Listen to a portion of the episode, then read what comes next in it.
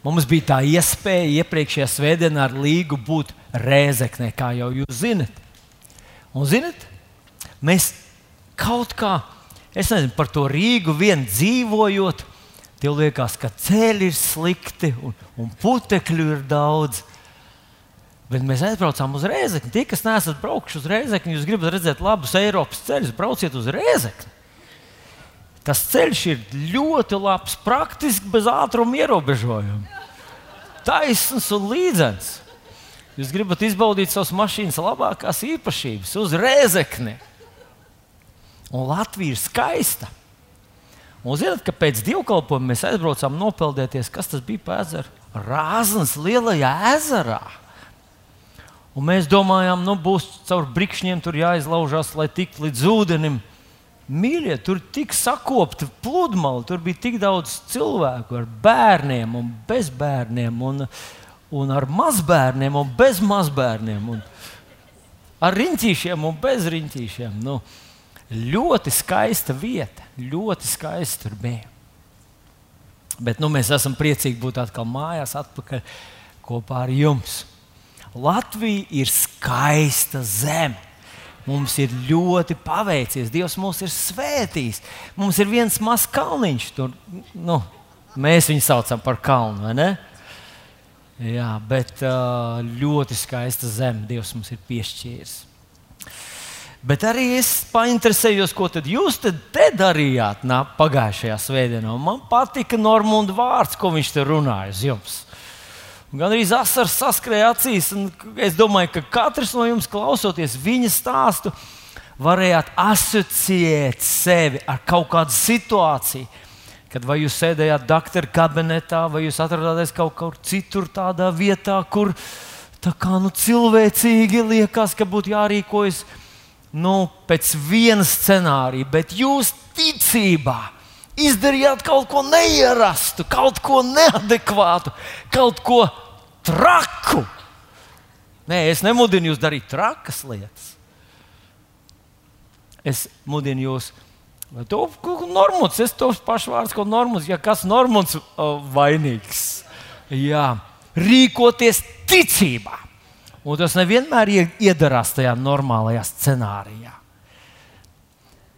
Bet mēs zinām vienu lietu, kas raksturo ticību. Ticībai vienmēr ir rezultāts. Hmm? Pārgalvīgai, trakai lietai nav rezultāts. Bet, ja tu cilvēks rīkojies ticībā, ir jābūt rezultātam. Varbūt ne uzreiz, bet viņš būs. Un šodien es ticu, ka Dievs grib vest tevi vēl solīti pa to pašu ceļu tālāk. Tā kā ja tev ir līdzi tava bībelīte, un es ticu, ka tev ir līdzi bībelīte, jo tu taču atnāc uz dievkalpojumu, vai ne? Ne uz baznīcu. nu, es atceros, ka, ka uh, bija tāds laiks, kad es mācījos skolā, un tad, ja kādam nebija nekas līdzi skolotājai, vienmēr teica, kur tu atnāc kā uz baznīcu. nu, nu, bet mēs jau zinām, ka uz nākotnes dievkalpojumu jābūt līdzi vismaz. Kam jābūt līdzi? Nu, jā, tradicionāli saka, vismaz dziesmu grāmatā jābūt līdzi, bet mēs gribam nesat līdzi Bībeli. Ja tev nav Bībele, tev noteikti ir tavs telefons, tu vari tieši saistē pievienoties kādai, kādai Bībeli nodrošinošai uh, vietnei un atvērt vaļā Bībeli. Kurā vietā atvērt vaļā? Es neredzu, ka jūs varat vaļā. Jūs man skatāties, kā jūs nezināt, par ko es runāju. Katram ir, ir kāda viedierīce. Uh, nu, vismaz viena bikšu kabatā, viena žaketes kabatā. Kur tad mēs gribam atvērt? Mēs gribam atvērt Lūkas 17. nodaļā. Lūkas 17. nodaļa, un mēs šodien, šodien mums būs tāds īsti vasarīgs sprediķis. Mums tikai divas raksturvietas jāpatur prātā. Tikai divas. Lūkas 17, 6 un 2 korintiešiem 4, 20. Divas raksturvietas, kuras es gribētu, lai tu paņem šodien līdzi. Es ticu, ka Dieva vārdam ir neparastas spējas. Ka tajā mazajā pantiņā, kur tu lasi Bībelē, varbūt es izlasīju viņu 700 reižu jau. Nu, ja 700 reizes, tad tu esi viens no, no brīnišķīgākiem, citīgākiem lasītājiem. Bet katrā, aiz katra no tiem pantiem ir mazas slepenas durvis, kuras atveras tikai tiem, kas patiesi meklē. Un daudz garām gājēji paskrējuši garām. Daudz filozofu un vēsturnieku ir lasījuši to, un viņiem viņi tās durvis nav pamanījuši.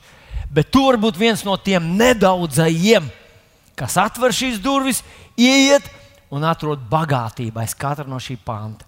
Un es ticu, ka arī šis pants, ko mēs šodien lasīsim, viņš vēlas mūs ievest bagātībās, kuras Kristus mums ir sagatavojis. Tātad Lūkas 17. nodaļas 6. pāns.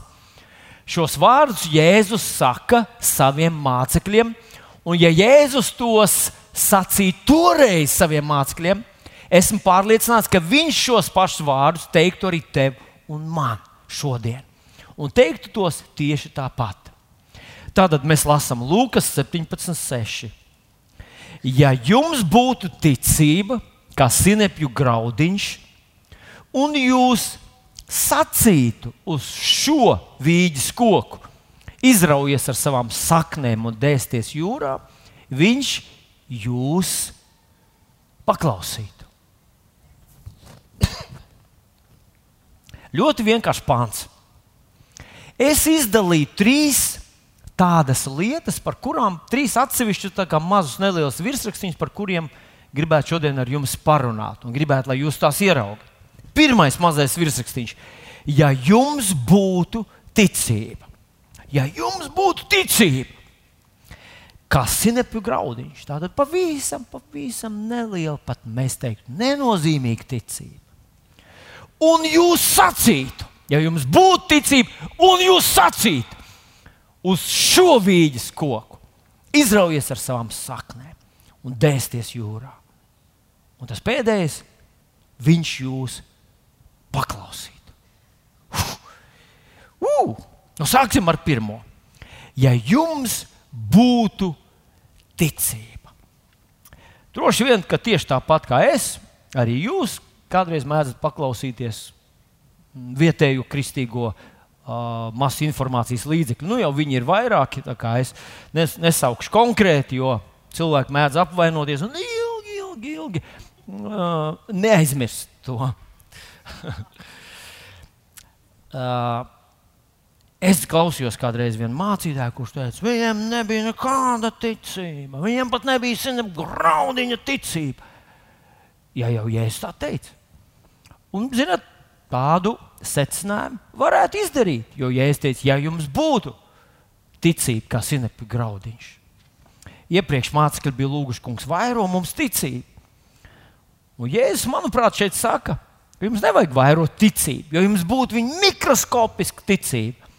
Un atcerieties, mēs te vienreiz e, izdarījām eksperimentu. Es palaidu par rindām uz abām pusēm sinepju sēkliņas, kāds vairāks, kāds piecas.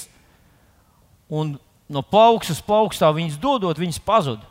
Kaut kur tur nemanījām, kā, kurā mirklī. Bēram viens otram, un tur nekā vairs nav. Tas sinepju sēkliņš man viņas vēl aizvien birojā ir augšā. Ļoti maziņas. Ja jums būtu ticība, kā sinepju graudiņš, tik mikroskopiski ticība, tad jūs varētu izdarīt lielas lietas. Mārtiņš nezinu, kurā mirklī ieslēgt, kurā ieslēgt. Mārtiņ, nu, izslēdz mazliet.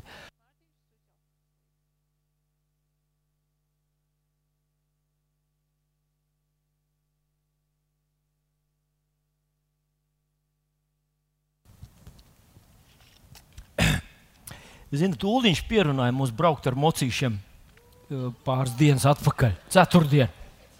Un bija tāds puteklis. Un pēc tam es atjaucu savu gaisa filtru motociklam, skatos, tur vesels smilškas. Un tad es padomāju, kas tad man tur iekšā ir no, noticis. Jo to visu mēs ierījām iekšā. Tāpēc piedodiet, ja es kādreiz no, no, ieklapojos. Smilts! Nekas īpašs smilts vienkārši. Tā tad, ja jums būtu ticība, man gribētu to šodien apgalvot bez gariem komentāriem, ka mācekļiem bija ticība. Jo mēs lasījām no Lūkas 17. nodaļas šo te, kur Jēzus saka, ja jums būtu ticība. Bet, ja mēs pašķiram to pašu Lūkas evanģēliju atpakaļ septiņas nodaļas. Tad mēs nonākam Lūkas evanģēlijā, desmitajā nodaļā, kur Jēzus bija izsūtījis 12 un pēc tam vēl 70 citus. Un tur rakstīts, ka tie 70, pat ne 12 apstuļi, bet tie 70 pārnāca un teica, Kungs, Viņš viņus izsūtīja dziedināt, izdzīt ļaunus garus, uzmodināt mirušus, izdzīt dēmonus. Un viņi atnāk un viņi saka, kungs, kaut kas tāds notiek, kas nekad nav noticis. Redziet, Elīzes laikā cilvēks saņēma dziedināšanu. Elīzes laikā notika visādi dziedināšanas brīnumi, miroņus uzcēla no nāves. Bet nekad nebija atkāpšies dēmoni. Atcerieties, mēs lasām par ķēniņu Dāvidu, kad viņš spēlēja svaidījumā, tad no zaudētas dēmons aizgāja, bet vēlāk atnāca atpakaļ. Nekad nebija bijis vēsturē, vecajā darbā, nekad tas nebija noticis, ka dēmoni tika izdzīti no cilvēkiem. Un mācekļi šie 70 atnāk un saka viņam, kungs, pat ļaunie gari mums paklaus tavā vārdā. Tas Lūkas 10, 19. Bet kas rakstīts 20. kur Jēzus viņam saka, ugh! Nepriecājieties par to, ka gari jums paklaus manā, bet priecājieties par to, ka jūsu vārdi ir ierakstīti debesīs. Jūsu vārdi ir ierakstīti dzīvības grāmatā. Un mēs zinām, mēs ar jums jau esam ļoti izglītoti teoloģijā. Mēs zinām, ka cilvēks nevarēja tapt glābts. Viņa vārds nevarēja tapt ierakstīts dzīvības grāmatā, ja viņam nebija gana ticības uz Dievu. Atcerieties, Mozus teica, izdzēs man vārdu nu, no tās savas grāmatas. Mozus vārds tur bija ierakstīts. Un Jēzus viņiem saka, ka šo 70 mācekļu vārdu arī bija ierakstīti tajā pašā grāmatā, kurā bija ierakstīts Mozus vārds. Un Dievs atbildēja Mozum, nē, no manas grāmatas gan neviens nevar izdzēst neko. Ar to es gribu teikt, ka šiem 12 mācekļiem bija ticība. Vai viņi bija simt graudiņu lieluma ticība vai lielāka ticība, es nezinu, bet tā bija ticība, kas darīja brīnums. Jo ja mēs paskatāmies paralēlā evanģēlijā, Mateja evanģēlijā, arī desmitajā nodaļā, desmitās nodaļas sākumā, Jēzus pieaicina savus 12 mācekļus un deva viņiem varu pār nešķīstiem gariem tos izdzīt un dziedināt visas sērgas un slimības. Tas pats notika tajā Lūkas evanģēlijā, 10. nodaļā, kur Jēzus saka, 19. pantā, redziet, Lūkas 10. Mēs lasījām Lūkas 17, bet Lūkas 10. Jēzus saka, Es esmu jums devis spēku un varu, ka jūs varat staigāt pāri čūskām un skorpioniem, un katram ienaidniekam spēkam tas viss jums neniek nekaitēs. Tā kā es gribētu apgalvot, ka mācekļiem ticība bija, bet mēs jau nerunājam šodien par mācekļiem, vai ne? Mēs runājam par ko? Par mums, par mums ar tevi. Man gribētos apgalvot, ka tev un man arī ir ticība. Draugs, Es zinu, ka vienā dienā tu jūties ticības gigants, vai ne? Tu lasi Bībelī, te uzrunāja kāds vārds no Bībeles, un tu jūties, jā, vai varbūt kādreiz pēc dievkalpojuma, varbūt dievkalpojuma laikā, kad te uzrunā vārds, vai varbūt pagājušajā svētdienā, kad Normons te spridzināja par to, ka ticībā cilvēki dara neparastas lietas, tu sēdēji, klausies, kaut ko atceries savā dzīvē un saprati, ka tu esi tas, kuram ir ticība. Vai ne? Vienu dienu tu tā jūties. Un tad pēc pāris dienas vēlāk, Vēlams ļoti labi zina, Vēlams ļoti labi zina, ka tevi nevar aiztikt tad, kad tu jūties. Ha, ha! Es esmu svaidīts, šabarā, barā, delaburu. Dievs tikko izdarīja kaut kādu brīnumu manā dzīvē. Tikko es nopļāvu lielu, nu, nopļāvu, kristieši man sapratīs. Tikko es iesēju piecīt un nopļāvu 500. Ha, ha! Dievs dara brīnumus manā dzīvē. Es esmu ticības spārnos. Vēlams, zina, tā ir bezjēdzīgi nākt pie tevis. Viņš nemaz nedzird manas visus tos argumentus, visus kārdinājumus, visus tos. Bet viņš skatās un vērot te. Tu zini, vēlams ir kā kobra. Viņš uzmanīgi uz tevi, un tu vienā dienā, halleluja, atnāc uz dievkalpojumu. Atceries, ka tu biji sajūsmā, ko? Ko tiešām gribēji slavēt Dievu? Atceries, tu ir roku pacēli, smaidīji, ir viss kā plaukšanai līdzi. Bet tad viņš vienā dienā skatās nākamās vietā, jau tu jau esi, jau, jau tu jau tāds, jau, jau latviskāks esi palicis. Un pēc tam paiet vēl viens, un tu pavisam patiesi esi. Ai. Jā.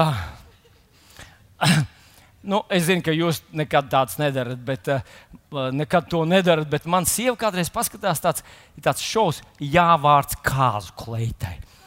Un, un, un tad viņa skatās, nu, kā meitenes izvērās sev kāzu kleitas, tur vien, vienai patīk vai, vai nepatīk. Līga pastāstīs, kā tur īstenībā ir. Bet vienu reizi es arī piesēdos, es kādreiz arī apsēžos blakus viņam, paskatos tos kāzu kleitus.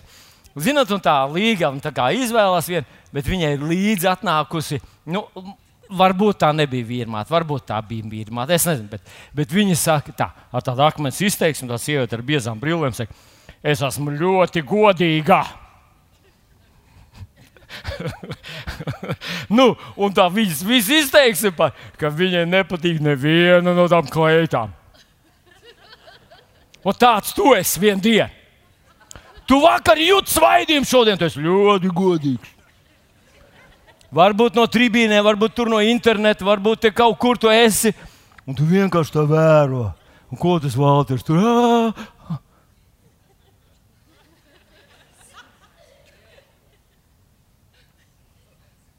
Un vēl zina, ka tas ir īstais brīdis, kad tā uzmanīgi te nāk klāt un teikt, kam paklausies. Nu, te jau nekas nesanāks. Fū, tie grēki, tu vai dienu birst no visām pusēm, tas tik nepilnīgs. Vēlams ļoti labi zina. Viņš te vēro. Bet tā patiesība ir tāda, ka tev nav pestīts svētdien, pirmdien daļēji pestīts, bet otrdien tu vairs neesi klāts. Tā patiesība, ka tas, ko Jēzus izdarīs, ir nemainīgs, ja vien tu tam uzticies, un tas nemainās. Es par to runāju, ka kādreiz tu jūti to savu ticību, bet kādreiz tu vispār viņu nejūti. Vispār nejūti. Domā, ka tu esi neticīgs. Es nenosaukšu cilvēku vārdu, bet viens cilvēks, kuram ir daudzu gadu vēsture ar Dievu. Vienā dienā pienāca pie manis, viņš saka, zini, es kristījos 35 gadus atpakaļ. Tas bija tik sen, ka es gandrīz vairs domāju, vai tā bija patiesība vai nebija. Es viņam jautāju, kad tu esi dzimis? Viņš teica, vēl vairāk, 67 gadus atpakaļ. Es teicu, kā tu domā, tā ir patiesība vai nav patiesība? Tas bija tik sen, ka vairs ne, ne, vai tiešām es arī esmu dzimis. Varbūt, es kaut kā no kaut kurienes citurienes atnācu. Nē, tu esi piedzimis. Tā kā tie mazie bērniņi, kurus tu šodien redzēji. Un dažreiz tu to jūti un apzinājies, un dažreiz tu to neapzinājies. Un ticība ir tieši tāda. Vienreiz jūti, piecreiz nejūti. Bet, jā, jā. Otrā pētera vēstulē, pirmā nodaļa, pirmais pāns, piedodiet, pa, pa, kas tur ir ar tām? Uh, otrā pētera viens, viens. Paskatieties, kas tur rakstīts. Apustulis Pēters mums raksta mums. Nu, ne tieši mums, bet priekš mums. Zinot, ka mēs lasīsim viņu daudz gadus vēlāk. Viņš saka tā, Sīmans Pēters, Jēzus Kristus kalps un apustulis tiem, kas mūsu, ar mūsu Dieva pestītāju Jēzus Kristus taisnībā, tātad to taisnību, ko Jēzus mums sagādājis, dabūjuši to pašu dārgo ticību kā mēs. Es vienreiz dzirdēju vienu katoļu, kurš stāstīja, ka redz, nu redziet, jūs arī esat dabūjuši to pašu katoļu ticību kā mēs. Toreiz, kad Pēters to rakstīja, nebija ne katoļu ticības, ne luterāņu ticības, ne harizmāti, ne pareizticīgie, ne bazni, mm, baptisti, ne metodisti, ne adventisti, ne kāda vēl īsti ir. Īsnībā tādu dažādu konfesiju ir vairāki tūkstoši. Mēs tā uzreiz nevaram. Ja nemaldos, bija vairāk kā 2000. Dažni dažādi šādu sadalījumu. Un, kad Pēters to rakstīja, vēl nekāda tāda konfesionāla piederības Nebija. Tāpēc, kad mums jautāja, kas jūs tādi par konfesiju esat, un tas bija diezgan daudz gadus atpakaļ, mēs teicām, mēs esam kristieši. Bībelē tā rakstīts, ka viņš sāk saukt par kristiešiem, un tā kopš uh, apstulta Pāvila laikiem tā tas ir nonācis līdz prieka vēstī. Tu sēdi īstā kristiešu draudzē. Un viņš te nerunā, jā, viņš te nerunā par konfesionālu piedarību, viņš te runā par ticību Dievam. Tā ir tā ticība, par kuru Jēzus teica, ja jums būtu kā sinap graudiņš, ja tu esi pieņēmis Jēzu par savu kungu, ja tu esi kristīts ūdenī, tev ir ticība, kas ir graudiņš. Vismaz. Vismaz pats mazākais, kas tev ir, ir ticība, kas ir graudiņa. Graudiņš. Un, ja es saku, ja tev tāda ticība ir, bet es gribu vēl vienu raksturvietiņu atgādināt. Un tā ir uh, Pāvila vēstule korintiešiem 10, 7, piedodiet, romiešiem 10, 17, kur Pāvils saka, tā, ka ticība nāk no sludināšanas, un sludināšana no Kristus pavēles. Un man vienmēr ir šķitis, ka tas romiešiem 10, 17, ka tas pāns ir drusku neveikli uzrakstīts. Ticība nāk no sludināšanas, un sludināšana no Kristus pavēles. Bet pavisam nesen es pēkšņi sapratu, ka pāns ir uzrakstīts perfekti. Ticība nāk no sludināšanas, bet tikai tad, ja sludina to, ko Kristus ir pavēlējis. Var sludināt doktrīnu, var sludināt tradīciju, var sludināt vispār pieņemt kaut kādas reliģiskas lietas, kas nerada ticību tevī. Bet, ja cilvēks sludina to, ko Kristus ir pavēlējis, vai Kristus vārdu, vai Kristus darbus, tad tas rada tev ticību. Un, ja tu sēdi dievkalpojumā un tu centies to vārdu sadzirdēt, paņemt savā sirdī, pasargāt savā sirdī, tavā sirdī ticība jau ir un vairojas. Tātad mēs varētu ar, ar to eh, noslēgt pirmo punktu. punktu. Ja jums ir ticība, ticība mums pasaka par sevi. Ticība man ir. Ticība man ir. Halleluja! Otrais, ko Jēzus sacīja šajā pantā, un jūs sacītu uz šo vīģes koku.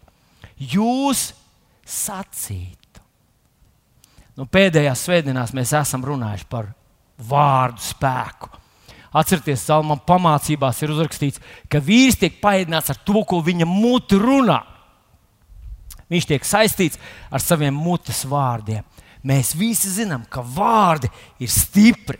Jēkabs mums runā arī par to, Jēkabs vēstulē, trešajā nodaļā. Viņš runā par to pašu, ka vārdi veic lielas lietas, ka tas kā milzu kuģim ir maza stūra. Un no ārpuses izskatās milzu kuģis, bet stūri viņš stūrē nepareizā virzienā. Un viņš nekad nevar nonākt tur, kur viņam jānonāk. Ja vārdi, ja šī stūra, viņš stūrē nepareizi. Un tu vari teikt, ka tu esi ticības vīrs vai sieva. Tu esi Dieva bērns, tev ir Bībele, tu pieder dzīvai draudzē. Bet, ja tu runā nepareizi, tavā dzīvē notiek nepareizas lietas. Vārdi ir kā durvis, kas tiek atvērts ienaidniekam.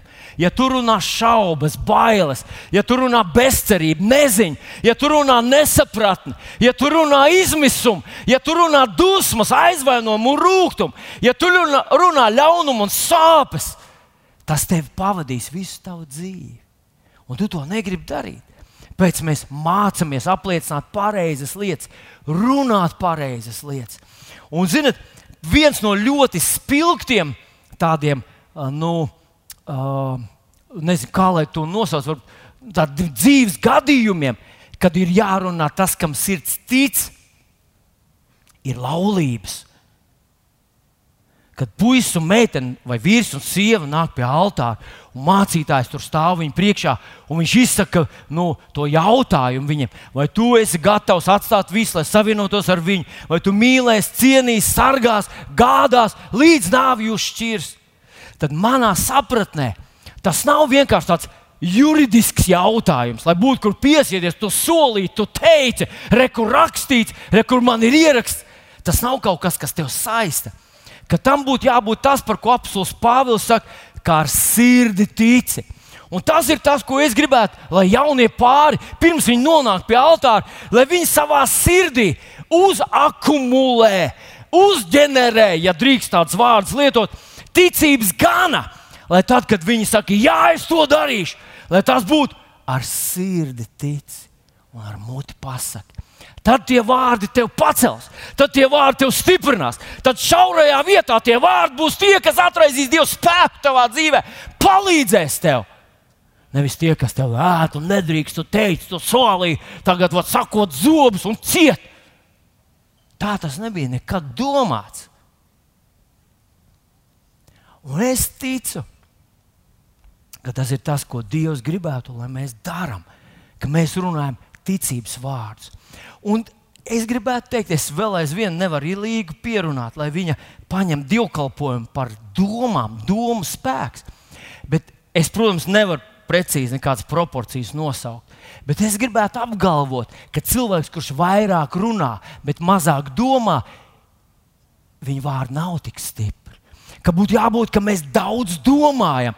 Atcerieties, pirmais psalms. Kas ir tas vīrs, kurš, tā, kurš līdzīgs ūdens kokam, kas stādīts pie ūdens upēm, arī sausā gadā. Tas ir tāds, kura doma saistās pie Dieva vārda. Ja tu domā par Dieva vārdu daudz, tad tavu vārdi piepildās ar spēku. Un es gribētu teikt, es tu um, netiku čakls uz tādu.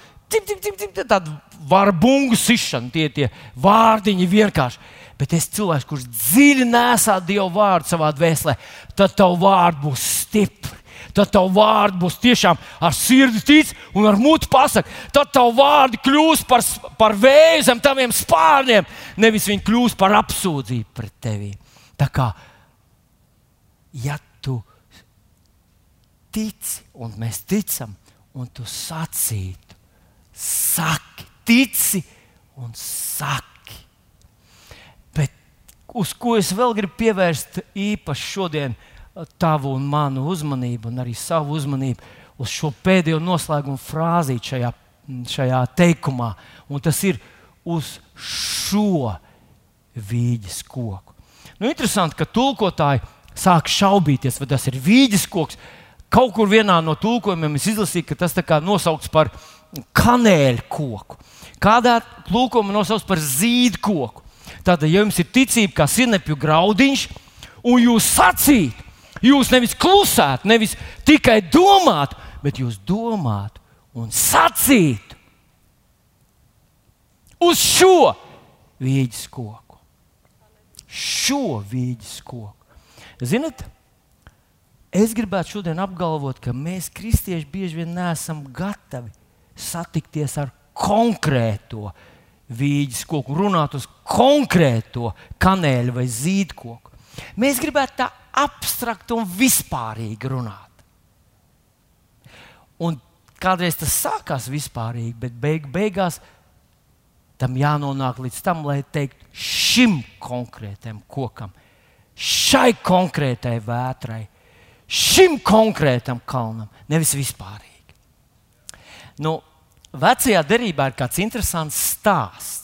Noteikti jūs to esat pamanījuši, tad, kad jūs lasījāt Bībeli. Tas Jeremija grāmatas 51. nodaļā ir aprakstīts stāsts par pravieti Jeremiju, kurš, un te es mazliet uh, mazliet varbūt izlasīšu kādu fragment no tā, kurš runā par tā laika visveiksmīgāko, visagresīvāko impēriju, un tā ir Bābeles impērija. Bābeles ķēniņš atnāca un iekaroja vienkārši bez jautājumiem, bez šaubām atnāca un kā lācis zemeņu ogu paņēma visu Izraēlu un aizved prom gūstā tautu. Un Jeremijas sludina tagad, kad šī nācija ir pašā Bābelē, pašā apgājā.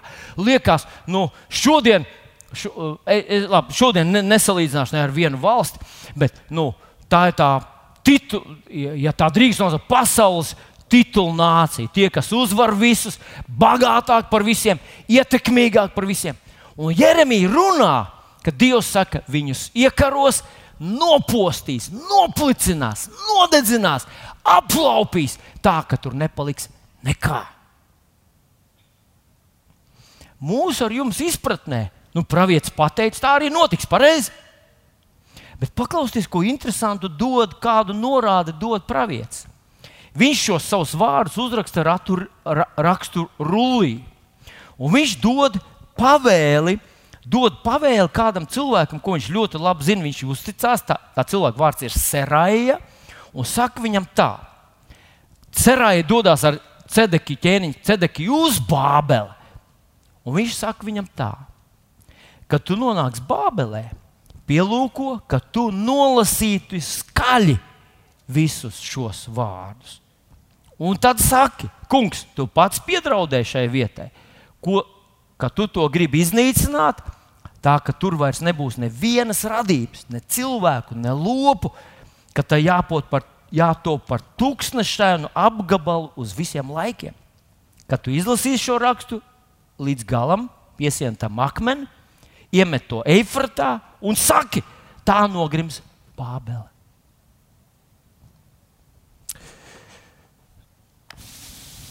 Jūs varbūt domājat, nu, kas tev ir? Manuprāt, ļoti zīmīgi, ka pravietis ne tikai to pasaka un uzraksta, bet viņš liek kādam vēstnesim aiziet un tos vārdus, ja es drīkst pielietot to, to Lūkas 17. Teksta fragmentiņu, aiziet un pateikt to tam kokam, tam konkrētam kokam. Šī gadījumā tas nav koks. Kādu laiciņu atpakaļ man bija tāds uh, uh, ļoti labas attiecības ar rabīnu, nesaukšu viņu vārdu. Un mēs tur mēs palīdzējām viņa, tajā, viņa darbā, ko viņš tur dara. Viņš bija ļoti pateicīgs. Viņš kaut kā gribēja iz, izrādīt savu, savu cieņu, un pateicību un prieku par to. Un viņš mums uzdāvināja certifikātu. Skatos, tas ļoti glīti no, noformēts uh, certifikāts. Viņš saka, to es pasniedzu, tas svinīgi jums, tev pieder koks um, Izrēlā. Tev ir savs koks. Wow! Jūs gribat koku Izrēlā, Svētajā zemē? Es gribētu, un es, es uzreiz nelasīju, tur, kur, tur, kas tur angļu valodā uzrakstīts. Es domāju, wow, man ir koks Izraēlā. es gribu braukt un apciemot savu koku. Es gribu apskatīt, vai viņš ir aplaistīts, vai viņš nav jāapgriež, vai viņš nav jāsakopja, un kā tur pret viņu izturās, vai tur kāds nekāp manā kokā, kā caķis, un tā tālāk. Sētu uztaisīt, lai suņi nečurā virsū manam kokam. Man ir koks Izraēlā.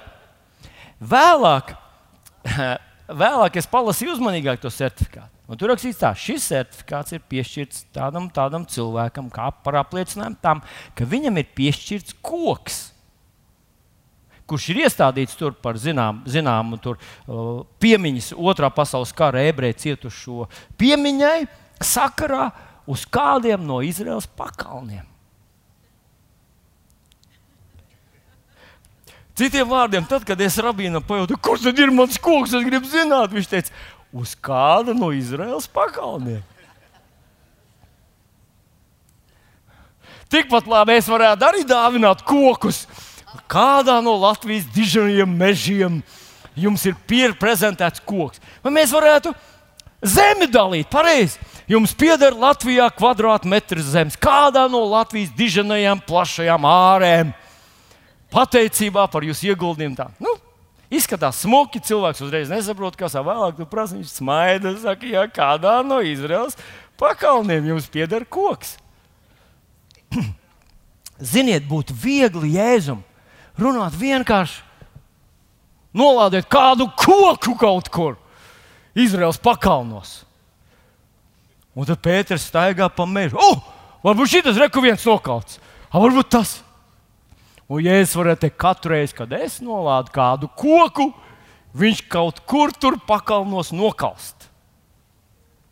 Bet paklausies, Jēzus konkrēti saka par šo koku. Šo koku. Pravietis Jeremija izsaka sludinājumu par Bābeli, un viņš gādā, lai tie vārdi tiek aiznesti līdz pašai Bābelei. Māri izmantosim par Bābeli. Viņš stāv ar muguru. Izsaki tos bābelē, vārdus, izsaki bābelē. Pēc tam iemet tos ūdenī, tur, lai viņš noslīdīs, pasakot, tā tu noslīdīs. Nē, nē, nē, nē, nē, nē, nē, nē, nē. Visi labi, Mārtiņ. Tu esi svētīts Jēzus vārdā. Dieva žēlastība un apsardzība miers ir par tevi. Kaut kā es kļūdos dažreiz.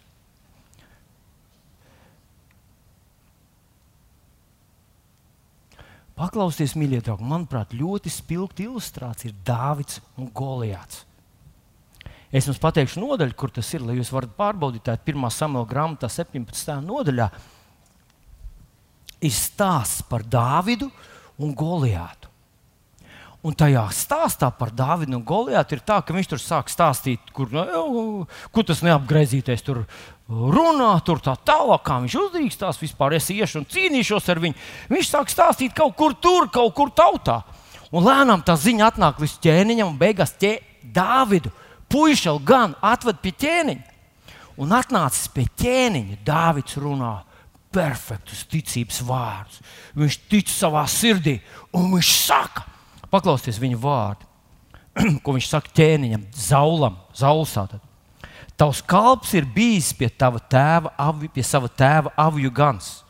Un, kad nāca lauva un lācis, tie nes projām kādu avi no ganāmā pulka, tad es devos tos vajāt un tos nogalināju. Bet laupīju mēs izglābām no viņa rīklas.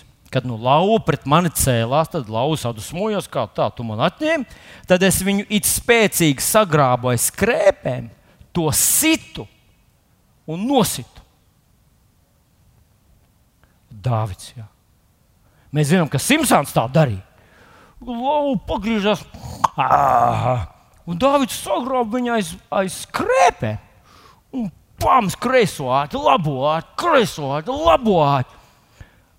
Kā jūs domājat, var nosist lauvu ar dūri? Ko? Nu, es esmu pārliecināts, ka šeit viņš saprot, par ko ir runa. Te nav pasakām vietas. Viņš nosita to lauvu. Viņš tiešām to lauvu nosita. Tad viņš tālāk saka, to sit un nosit. Tik labi lauvu, kā arī lāci. Tavs kalps ir nosits. Kāds saka, nu, Izrēlā tās lauviņas un lācis tur māziņi. Paņemiet vienu Staffordshire terjeru, paņemiet pavisam mazu nelielu augumu sunīti, paņemiet viņu nositiet. Es kādreiz runāju ar kinologu, viņš saka, nav iespējams. Suns ir trīs reizes ātrāka reakcija viņam ir kā cilvēkam. Cilvēks nevar ar sunu tikt galā. Ja vien viņš nav speciāli uztrenēts, speciāli apmācīts. Suns ir tik ātrs un viņa sakodiens ir tik stiprs, ka tajā mirklī, kad suns ieķerās jums kaut kur, jūs vairs nedomājat loģiski. Jums viss palaižās vaļā, kā mēs kādreiz arī redzam. Jūs vienkārši nu, pārvēršaties par upuri. Ja vien, protams, varbūt neesat ļoti trenēts speciāli priekš tam. Nu, lācis un lauva, lācis un lauva, viņš ar viņiem tika galā. Viņš to konkrēti ir uzrakstījis. Tavs kalps ir nositis. Un skaties, ko viņš saka tālāk. Šis neapgaizītais filistietis būs kā viens no tiem, jo viņš ir tā dzīvā dieva karapulka izaicinājums. Un Dārvids turpināja un sacīja, tas kungs, kas man ir izglābis no lauvas un no lāča ķetnām, tas man izglābs arī no šī filistiešu rokas. Es esmu pārliecināts, ka Dāvida acis spīdē. Viņš viss vibrē, viņa ķermenī adrenalīns gāzās ārā litriem. Huh, viņš tajā mirklī bija tā kā mēs ar tevi, kad mēs sakām, Jā, Dievs ir ar maniem. Es zinu, vēlams bēg no viņa, kad es stāvu viņam pretī. Ha, šalabara, galabara, gadīgie. Jūs esat kādreiz to piedzīvojuši?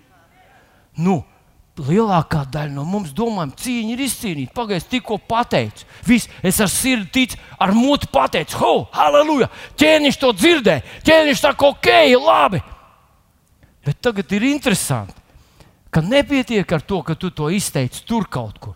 Tev ir jāiet solis tālāk, vēl tālāk, vēl tālāk. Tev ir jāiet nevis vienkārši abstrakt kaut kur debesīs izkliegt savu ticību. Tev jāiet līdz tam konkrētam kokam, līdz konkrētam ienaidniekam. Un, zinot, tas ir šausmīgi grūti.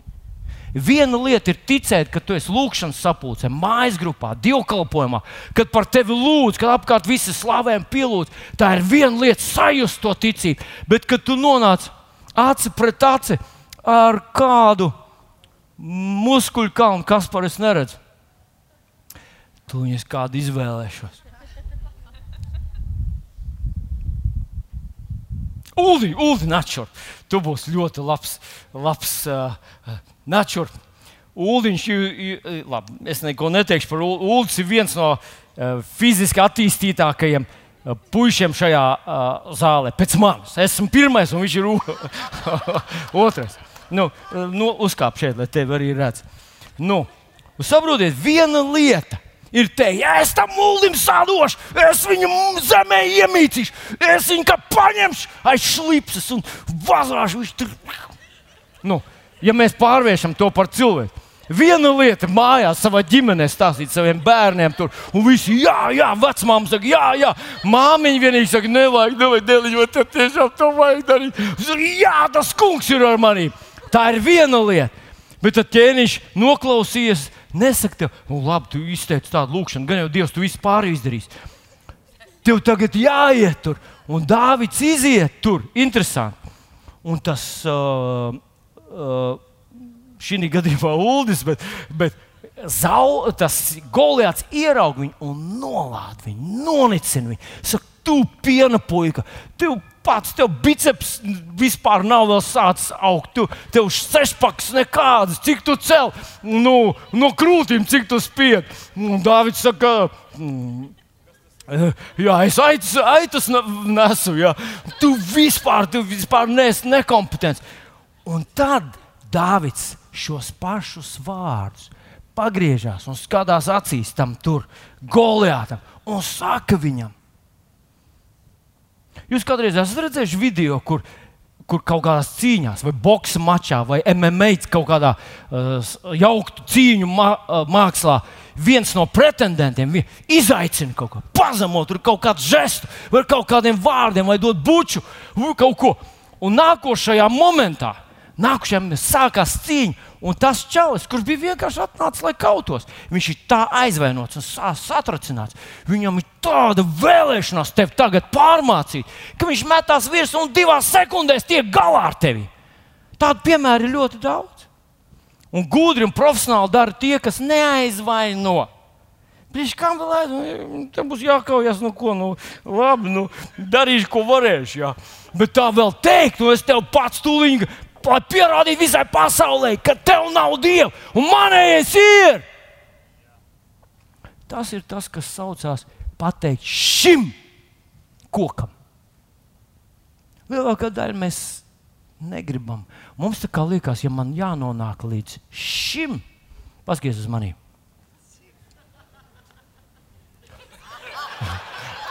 Īstenībā tā, tā proporcija pakāpē vēl augstāk, mazliet divas pakāpienas augstāk tā proporcija starp Dāvidu un Goliatu bija apmēram šitāda. Ja.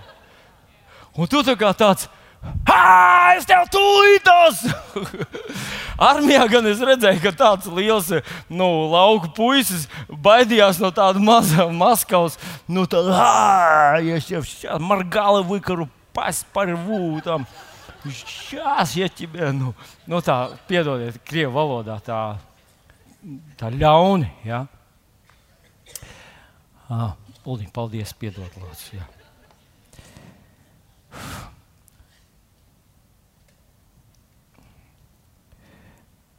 Es nezinu, man izdodas, bet ar to es gribētu pateikt, ka mums ir jārēķinās ar to, ka tā mūsu ticība, ka tā mūsu uzticēšanās Dievam, viņa ir viņai jābūt stiprai tad, kad mēs esam vieni paši, kad esam un jūtam savu brāļu māsu atbalstu bet arī tad, kad mēs nejūtam to vairs un aizējām līdz pašam tam, tam uh, pretiniekam. Es nezinu, vai tev ir bijis kādreiz uh, tiesā kaut kāda cīņa ar kaut kādu pretēju pusi par kaut ko. Un kamēr tu esi viens, tev liekas, jā, taču tev viss tik pareizi, tu tā viss tik godīgi un, un labticīgi esi darījis. Bet, kad tu aizēji tur līdz turienei, Tu sajūti, ka tā pretējā puse ir reāls spēks, ka viņas argumenti, viņas emocijas, viņas naids pret tevi, tas nicinājums ir kaut kas tāds, kas kā kalns karājās virs tavas galvas. Un tas nav viegli. Bet tas ir tas, par ko šeit ir teikts, ka tu sirdī tici, tu runā ticībā, bet tev jāapzinās, tad tev būs jāaiziet līdz pašam tam konkrētajam kokam, konkrētai problēmai. Un sajūtot visu to augstumu, visu to bezcerīgumu, tev būs jāpasaka konkrēti tur.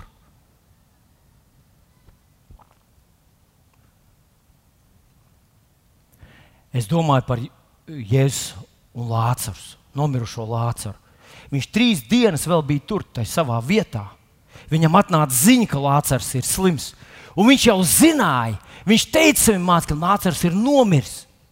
Bet paskatieties, ir interesanti. Mēs kādreiz tik ļoti pie, nu, tā visu vienkāršojam ar to domu, nu, ticībai jau nav robežu un tā tālāk. Mēs te pielūdzām, un tur viss notika. Bet ir interesanti, ka Jēzum vajadzēja atnākt, un viņš satiek pusceļā Martu un Mariju. Un viņš tur vēl nesaka, viņš vēl nelūdz, viņš vēl neraida to savus ticības vārdus. Viņš nonāk līdz pašam tam kapam, viņš nonāk līdz pašam tam konkrētajam kokam. Un tik grūti ieraudzīt, cik tas, nu, ieraudzīt, cik tas koks ir veselīgs. Un šajā gadījumā konkrēti Jēzus viņu nolādēja un neizskatījās, ka viņš grasās mirt tas koks. Viņš izteica vārdus, konkrētu adresi, konkrētā vietā, konkrētai lietai, konkrētam kokam, konkrētai vētrai. Viņš stāvēja pie konkrēta kapa. Viņš neteica vienkārši kaut kur gaisā, visi tie, kas man dzird, nāciet ārā no kapiem. Nē, viņš teica konkrēti Lācaram, nāc ārā! Un ar to es gribu teikt, draugs, ja tu un es esam uzsākuši šo ticības cīņu, esam uzsākuši sekot kungam Jēzum Kristum, tad mums jāaiziet līdz tai konkrētai vietai, pilnā ticībā. Un jāsaka tie konkrētie tavi ticības vārdi, tai konkrētai lietai, kuru tu gribi mainīt. Es esmu pārliecināts, ka tas nozīmē to pašu, ko Jēkabs saka, ja kāds no jums ir mājās slims lai viņš aicina draugus vecais. Tur nav vienkārši teikt, nu, un draugs pielūgs par viņu. Tur, tur teikts, un tie, lai atnāk pie viņa, un to svaidu ar eļu un ticības lūgšanu. Ir kaut kas īpašs tajā, kad tu atnāc uz to vietu, un kad var uzrunāt tieši to tavu konkrēto problēmu. Ar to es gribētu teikt. Un te, ja tu jūties slikti no rīta, un tu saki, es jau nebraukšu uz Dievu, kā es tā slikti jūtos, es tepat mājās pielūgšu Dievu. Nu, nu, tas ļoti tāds izskatās pēc tāda kristīga aizbildinājuma, bet īstenībā vajadzētu atnākt uz dievkalpojumu, vajadzētu atnākt mūsu vidū un ļaut un ticībā sadzirdēt un, un pieņemt to, ka tie vārdi, tie stiprie ticības vārdi, tiek uzrunāti uz konkrēto ko, konkrēto pilsētu, konkrēto vētru, konkrēto lietu, konkrēto situāciju, konkrēto problēmu. Jēzus. Es vismaz, vismaz es to redzu tur. Un tad tas pēdējais, un tas pēdējais, kas tajā stāstā ir teikts, ka viņš jūs paklausītu. Izrādās, ka vienīgā problēma, kāpēc koki nelec ārā ar saknēm, neskrien prom uz jūru, ka viņš neklausa mūs. Jūs esat mēģinājuši kādu koku dabūt ārā ar saknēm. Es neesmu, bet, bet es nezinu, kāds ir kanēļa koks un zīdkoks. Nu, nav īstie koki. Viņš vienkārši neklausās. Tu viņam saki, prom, viņš neklausās. Atcerieties, bija tas gadījums Iecavā, kur viens amerikāņu misionārs lika Mironim celties kājās. Un tad trešajā reizē viņš necēlās. Teica, nāk, tā, tu neklausīsi. Nu, tad tu būsi.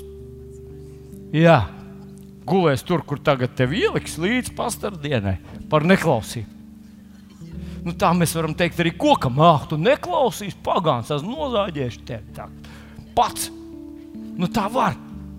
Bet tas būs tāds, nu, tāds ne, negodīgi. Ziniet, kāpēc viņš paklausīs? Un tā ir tā otrā raksturība, viņa otrā korintiešiem 4,20. Ah!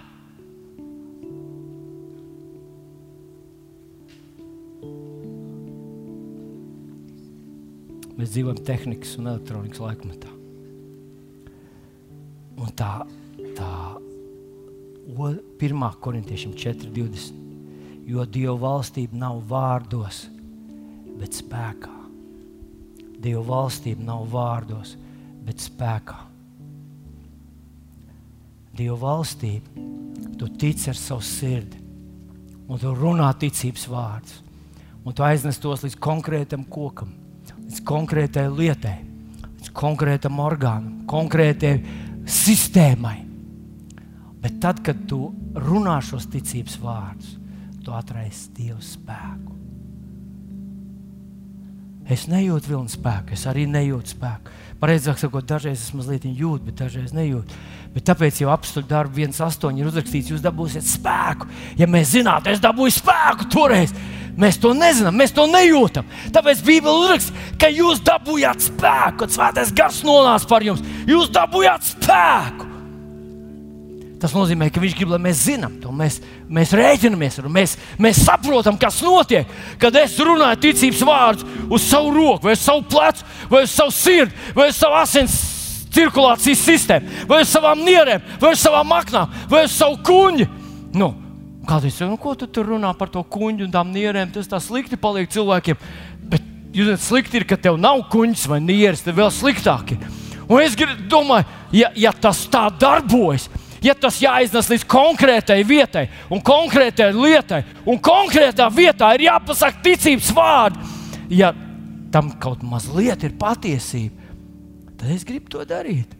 Un es kādreiz runāju uz savu, uz savu kuģi, es saku, tu strādā. Jūs zināt, te kādu laiciņu atpakaļ.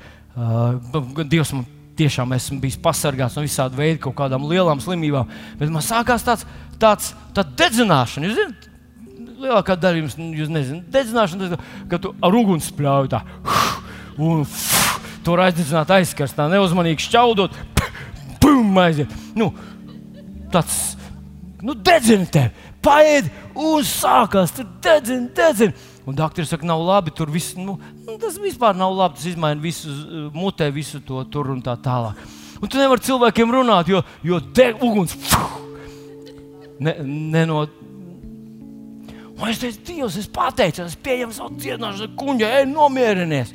Nomierinies Jēzus vārdā. Skābei jābūt tur, kur jābūt skābei, un tur, kur viņai nav jābūt, viņa nepārkāps. Tur rakstīts kaut kur, ka viņš noliks robežu, kurš nebūs pārkāpts jūrām un, un tā. tā. Un es saku, robežai pārkāpt. Nekādā gadījumā. Un, ziniet, es nejūtu, kurā mirklī apdzis ugunskurs. Apdzis miers, tur iekšā deg, ārā nenāk. Halleluja! Un, un, jā, tam kungam paldies par to. Bet es tev jārēķinās, ka tad, kad tu izsaki šos vārdus, tu atraisi Dieva spēku. Dieva spēku. Halleluja! Tev nav jāmēra, cik liels tas spēks.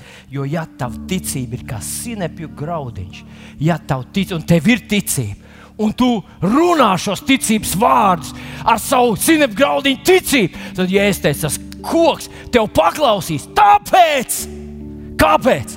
Tāpēc, ka Dieva valstība jau nav vārdos, ka Dieva valstība ir spēkā. Halleluja! Kunga Jēzus vārdā. Piecelsimies draudz kājās!